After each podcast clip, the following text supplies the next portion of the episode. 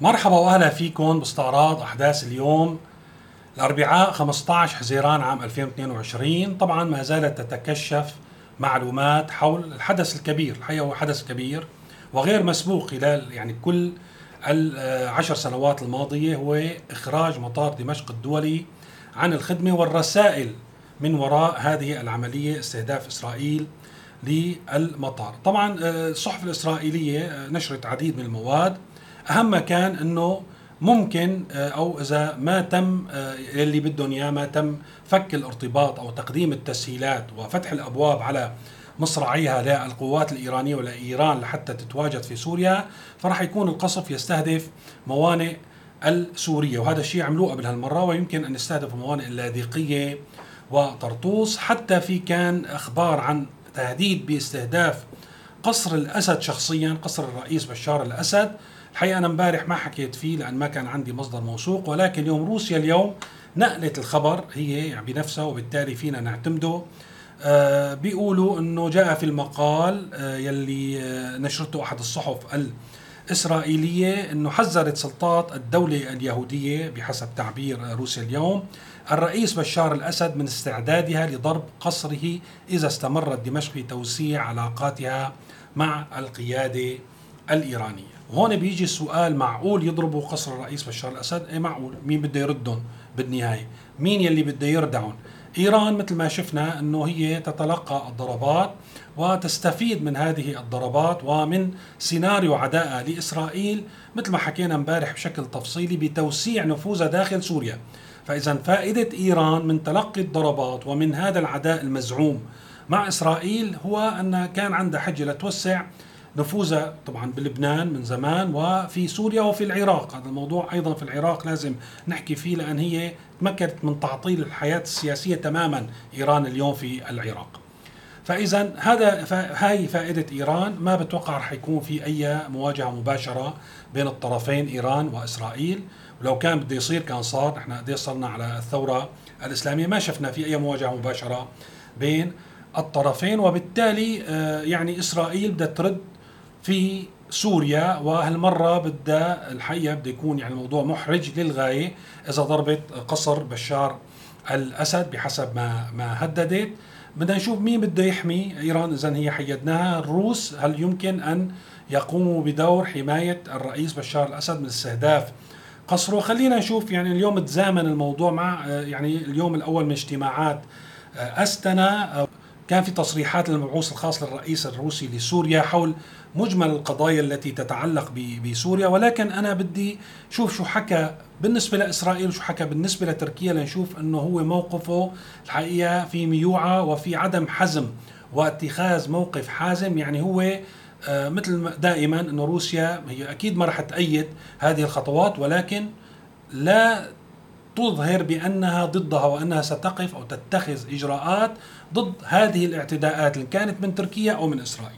خلينا نشوف إنه شو علق على عملية انقره بحسب روسيا اليوم يعني الروسية نفسها وأشار لافرينتييف اللي هو المبعوث الخاص أن روسيا تعتبر العملية العسكرية الجديدة المحتملة لتركيا في شمال سوريا خطوة غير عقلانية ستؤدي إلى زيادة التوتر في البلاد نعتقد أن هذه العملية ستكون خطوة غير معقولة يمكن أن تؤدي إلى زعزعة الاستقرار أو زعزعة استقرار الوضع وتصعيد التوتر وجولة جديدة من المواجهة المسلحة في هذا البلد. وفسر الماء بعد الجهد بالماء. أكيد يعني إذا بدها تقوم بعملية عسكرية رح تتحول لمواجهة مسلحة وراح يكون في توتر. ولكن إذا بتلاحظوا وبترجعوا بتقروا التصريح مرة واثنين وثلاثة ما في موقف يعني رافض للعملية ما في موقف هو عم يعمل محللين مثلنا يعني عم يحكي مثلنا.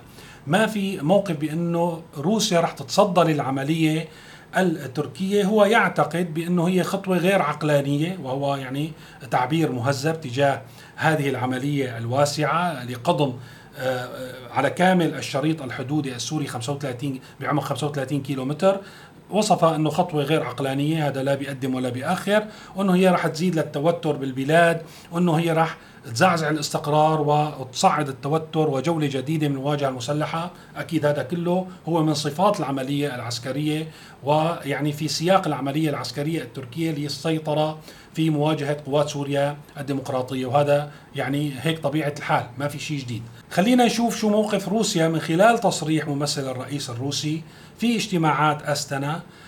حول الضربات الإسرائيلية. شو بيقول؟ سننظر في موضوع القصف الإسرائيلي المتزايد على الأراضي السورية ونعتقد أنه لا بد من التركيز على ذلك وهذا غير مقبول. يعني عندكم سننظر ونعتقد وغير مقبول هي عبارات رخوة. هي يعني هذا الموقف مايع ولا يوجه الرسالة المطلوبة إلى إسرائيل. لكي توقف من ضرباتها وهذا الحكي دبلوماسي. هذا الحكي يعني ممكن هو يحكي الحقيقة يتخذ موقف أشد من هيك. ومع ذلك وبوجود الوفد آه، السوري في آه، يعني بجانبه أو معه ما حسن يحكي غير هالكلمات الرخوة المايعة يلي ما بتقدم ولا بتأخر وبالتالي أيضا الروس مثل ما تم التسريب من خلال الصحافة الإسرائيلية وغيرها هن غير معنيين بالاشتباك بين سوريا وإسرائيل. هون بنرجع للجواب على السؤال هل يعقل أن تقصف إسرائيل قصر بشار الأسد؟ الحقيقة جواب نعم. إذا استمرت إيران بأنشطة العسكرية في سوريا رح تقدم الذريعة على طبق من ذهب لحتى إسرائيل تزيد من سيطرتها على الأجواء السورية وبالتالي على سوريا كلها وتحطم آخر حجر في ركيزة السيادة يلي عم نتبجح فيها نحن طوال الخمسين سنة الماضية. لننتقل لنحكي بشكل مختصر بالشأن المحلي المعيشي. موضوع الكهرباء يمكن آه، هي مصيبة ولكن تعودنا أنه نعيش فيها في سوريا. خلاص نحن بنعرف حالنا أنه نحن صرنا بلد بلا كهرباء. شو بيجي بقى كهرباء من الدولة؟ بيكون خير وبركة. نص ساعة ربع ساعة ما بتيجي. فهذا الموضوع السوريين كلهم عم يتهيئوا اليوم بشكل أو بآخر يلي معه عم يركب طاقة شمسية يلي معه عم يشتري بطارية يلي ما معه عم يتعود يعيش بلا كهرباء ما عنده حل تاني. أدركوا السوريين وموضوع الباخرة يلي وصلت لبانياس أو وصلت لسوريا إيرانية خط الائتمان. مرة ثانية بتوقع السوريين صار عندهم خبرة إنه الدولة ما راح تعطيهم هل المشتقات النفطية هل المحروقات بأسعار مدعومة لأن آه، هي خسائر إضافية ما عاد تحسن تتحملها. هي تنظر إلى هذه الهبة من آه، يعني الهبة يلي هو الدين. هو فضل إيران أنه النظام لا أحد يدينه. إذا هذا الدين الثقيل عليه اللي عم يدفع أثمان باهظة لحتى يرده. ما راح يجي يعطيه للمواطنين ببلاش تقريبا. يعني هذا الموضوع بتوقع السوريين صار عندهم قناعة تامة فيما يخص هذه الأمور. ولكن المشكلة الأسوأ بهذا الصيف اللي بين وطبعا هذا الموضوع حكيت فيه أنا من آه، تقريبا شهرين حطيت أول شيء أزمة الكهرباء بعدين أزمة المياه. هلا باعتبار أزمة الكهرباء صارت أمر مفروغ منه وأمر واقع صار نحن اليوم بدنا نحكي بأزمة المياه. راح يكون في أزمة مياه شديدة في هذا الصيف. طبعا الموضوع ببلش أخبار من هون وهون من أماكن من قرى. اليوم كان في موضوع حول عطش مدينة اللاذقية بأكمله. يعني في معظم الأحياء في مدينة اللاذقية اليوم من نهاية رمضان الماضي إلى اليوم ما بيجيها مي أو بيجيها مي آه، يعني كل أربعة أيام بيجيهم نص ساعة. أو ما بيجيهم هن في عندهم مشكلة حقيقية بهذا الاتجاه. طبعا هي مو المدينة الوحيدة ولكن قلت هي أكبر نموذج اليوم دخل في مرحلة العطش لساتنا ببداية الصيفية. فما بالكم إذا نحن بدنا نكمل. مثل ما شهدنا ظاهرة وهذا سبحان الله يعني نحن بصير في عنا أزمة كهرباء. الدولة بدها تتخلى عن مسؤوليتها من موضوع التغذية الكهربائية. بصير في سرقة محولات وكابلات آه، يعني بشكل واسع جدا بشكل إنه أنت لا يمكن تتخيله. آلاف المحولات ويعني آه، أطنان من الأسلاك الكهربائية تسرق بدون أن تقوم الدولة بتأمين هذه صارت لهي شغلات حيوية بتتعلق بحياة الإنسان. ما في أي إجراء لحتى تحد من هذه السرقات وفي كثير من الناس والسكان ومن خلال اتصالي بيعتقدوا أنه الدولة هي وراء. هذا الموضوع لحتى تتخلى وتتملص من مسؤولياتها لمتى ما سرقت محولة. ما عندنا قطع تبديل ما عندنا قدرات. هذا الموجود اليوم إذا بدكم أنتم اشتروا معناتها خلصوا من تخديم هالمنطقة. هذا الموضوع عم بيرجع يصير بالمي مع الأسف.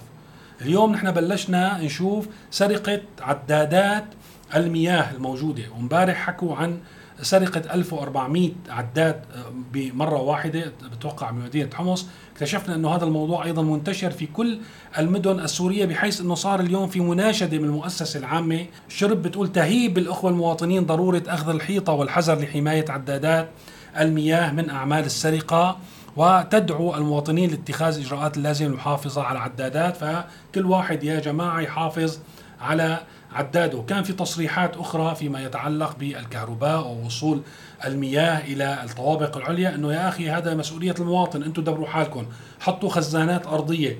بما معناه عم نشهد نفس السيناريو اللي شفناه بالكهرباء واللي فقدنا الأمل نحن بأنه يكون في سوريا. كهرباء عم نشهده الآن في المياه. كهرباء فينا نعيش بلاها ولكن مياه ما فينا نعيش بلاها. فما بعرف اليوم الإنسان السوري شو بده يعمل لحتى يحسن يتعايش مع هالمشكلة يلي ما لها الموضوع الأخير يلي بدي أحكي فيه الحقيقة أيضا موضوع يعني مهم وخطر ومحزن آه، بنفس الوقت. من كام يوم طلع إحصاءات للمكتب المركزي للإحصاء بيقول إنه معدل البطالة في سوريا انخفض. وقاموا الكتاب حتى في الصحافة الرسمية وفي الصحافة المحلية بانتقاد هذه الإحصاءات والتشكيك فيها والسخرية منها إنه كيف بينخفض معدل البطالة في سوريا. وكان عندنا كورونا وعندنا هذا الحصار. معظم القطاعات يعني عم تتوقف عن العمل مثل ما شفنا بالتسجيل السابق حتى قطاع البناء اللي بياخذ كثير من اليد العاملة أيضا توقف. كيف يعني معناتها انخفضت معدلات البطالة؟ وانكشف السبب الحقيقة انخفضت ولكن السبب الحقيقة كان صادم للغاية. معدلات البطالة في سوريا انخفضت لأن ما ضل عنا يد عاملة. اليد العاملة كلها هاجرت خارج القطر وبالتالي انخفضت معدلات البطالة لأن ما ضل في طلب على العمل. بالعكس صار في كثير من القطاعات والأشغال ما عم بتلاقي يد عاملة خبيرة لحتى تشتغل فيها.